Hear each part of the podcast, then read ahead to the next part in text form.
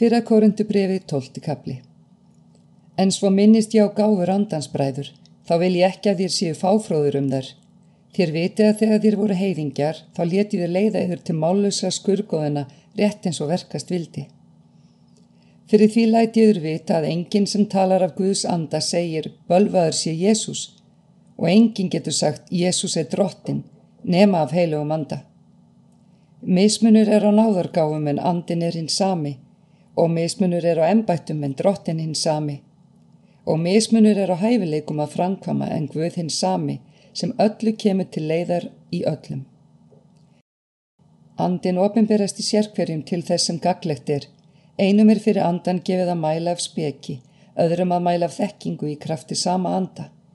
Hinn sami andi veitir einum trú, öðrum lækningagáfu og öðrum kraft til að framkvama undur.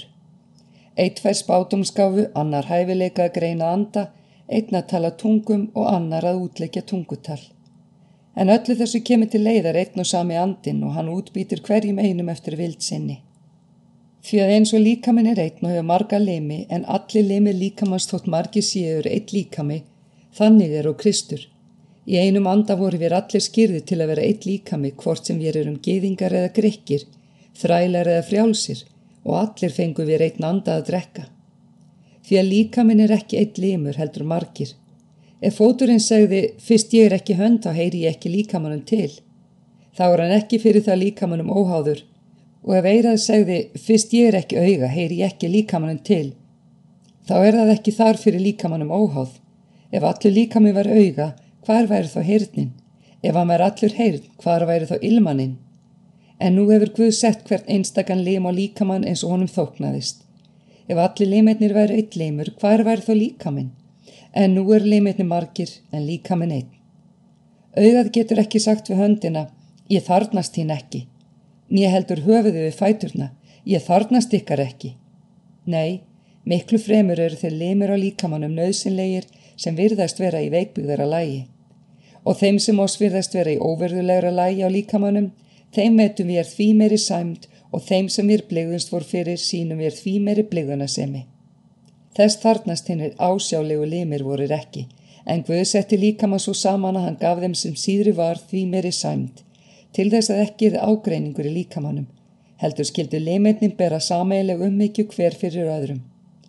Og hvort heldur eitt limur þjáist þá þjást allir limitni með honum, eða eitt limur er í hávegum hafður samgleðast allir limitnir honum.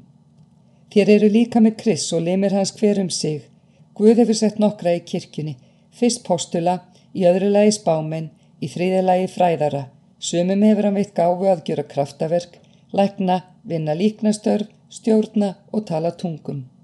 Hvort eru allir postular? Hvort eru allir spámen? Hvort eru allir fræðarar? Hvort eru allir kraftaverkamenn? Hvort hafa allir hloti lækningagáfu? Hvort tala allir tungum? Hvort útlista allir tungutal?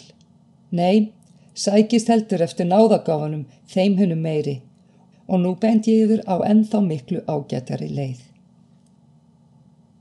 Fyrra korindu brefið 13. kapli Þótt ég talaði tungum mann á engla en hefði ekki kjallega, væri ég hljómandi málmur eða kvellandi bjalla.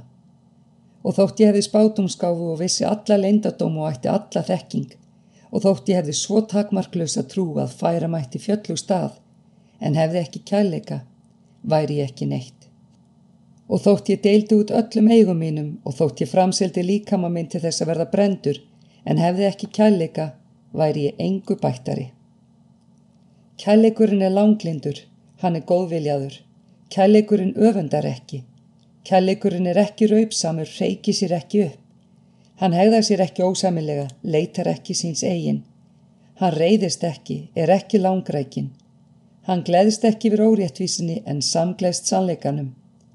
Hann breyðir yfir allt, trúir öllu, vonar allt, umber allt. Kærleikurinn fellur aldrei úr gildi en spátumskáfur þær munu líða undir lok og tungur þær munu þagna og þekking hún mun líða undir lok. Því að þekking voru er í mólum og spátumur voru er í mólum. En þegar þið fullkomna kemur þá líður það undir lok sem er í mólum. Þegar ég var barn talaði eins og barn, hugsaði eins og barn og álíktaði eins og barn. En þegar ég var orðin fulltíða maður lagði ég niður barnaskapin. Nú sjáum við svo sem í skuggsjá í ráðgátu, en þá munum við sjá augliti til auglits.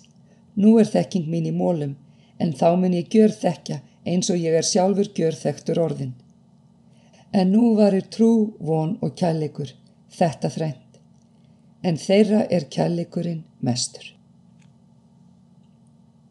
Fyrra korundubriði fjórstandi kapli.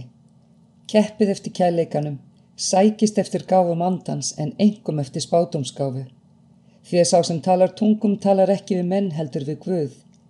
Engin skilur hann, í anda talar hann leindardóma, en spámaðurinn talar til manna þeim til uppbyggingar, áminningar og hugunar. Sá sem talar tungum byggir upp sjálfan sig en spámaðurinn byggir upp söfniðinn. Ég vildi að þér töluðu allir tungum, en þó enn meira þér hefðu spátumskáfu. Það er meira verst en að tala tungum nema það sé útlagt til þess að söfnuður er hljóti uppbygging. Hvað myndi ég gagna eða bræður ef ég nú kemi til í þar og talaði tungum en flyttuður ekki ofinbyrjun eða þekkingu eða spátum eða kenningu? Jável hinn er döður hlutir sem gefa hljóð frá sér. Hvort heldur er pípa eða harpa? Ef þar gef ekki mismunandi hljóð frá sér, hvern ætti þá skiljast það sem leikið er á pípuna eða hörpuna? Gefi lúðurinn óskilmerkilegt hljóð, hver býr sér þá til bardaga? Svo er og um eður, ef þér mælið ekki með tungu eða fram skilmerkileg orð, hvernig verður það þá skilið sem talaðir? Því að þér tæli þá út í bláinn. Hversu margar tegundir tungumála sem kunna að vera til í heiminum, ekkert þeirra er þó málleisa. Ef ég nú þekki ekki merkingu málsins, verði ég sem útlendingur fyrir þeim sem talar og hann útlendingur fyrir mér. Eins er um yður. Fyrst ég sækist eftir gáfum andans, leytist þá við að vera auðvír af þeim, söfniðunum til uppbyggingar. Byði því þá sem talar tungum um að geta útlagt. Því að ef ég byðst fyrir mig tungum, þá byður andi minn, en skilningur minn ber engan ávöxt. Hvernig er því þá farið? Ég vil byðja með anda, en ég vil einni byðja með skilningi. Ég vil lofsingja með anda, en ég vil einni lofsingja með skilningi. Því ef þú veksamar með anda, hvernig á þá sáur skipar sessins fáfróða að segja amen við þakkargjörðinni þar sem hann veit ekki hvað þú ert að segja. Að vísu getur þakkargjörð þín verið fögur en hinn uppbyggist ekki. Ég þakka Guði að ég tala tungum öllum yfir fremur en á safnaða sankomi vil ég heldur tala fimm orð með skilningi mínum til þess að ég geti frætt aðra en tíu þúsund orð með tungum. Bræður, verið ekki börn í domgreind heldur sem ung börn í ílskunni en fullornir í domgreind Í lögmálinu er ritað Með annarlegu tungutæki og annarlegum vörum mun ég tala til íðs þessa og eigi að heldur munu þeir heyra mig, segi drottin. Þannig er þá tungutalið til táks ekki þeim sem trúa, heldur hinnum vantrúuðu, en spámanlega gáfan er ekki til táks fyrir hinn að vantrúuðu, heldur þá sem trúa. Ef nú allur söfniðurinn kemi saman og allir töluðu tungum og inn kemi fáfráðu menni eða vantrúaðir, myndi þeir þá ekki segja Þér eruð óðir. En ef allir töluða á spámanleiri gáfu og einn kem einhver vantrúaður eða fáfróður þá sannfærðist hann og dæmdist af öllum. Leindardóma hjarta hans verða ofinbyrir og hann fellur fram á ásjónu sína og tilbyður Guð og lýsir því yfir að Guð er sannlega hjá yður. Hvernig er það þá bræður? Þegar þér komið saman þá hefur hver sitt fram að færa, sálm, kenningu, ofinberun, tungutal, útlistun, Allt skal miða til uppbyggingar. Séu einhverju sem tala tungum mega þeir vera tveir eða í mestalagi þrýr, hver á eftir öðrum og einn útlisti. En ef ekki er neitt til að útlista, þá þegi sá á sapnaðagsamkominu sem talar tungum en tali við sjálfan sig og við Guð. En spámenn tali tveir eða þrýr og hinn skulu dæma um. Fá einhver annar sem þar situr ofinberun þá þagni hinn fyrri. Fyrir þér getið allir hver og eftir öðrum talað á spámanlegri andagift til þess að allir hljóti fræðslu uppörfun. Andar spámana eru spámanunum undirgefnir því að Guð er ekki Guð trublunarinnar heldur friðarins.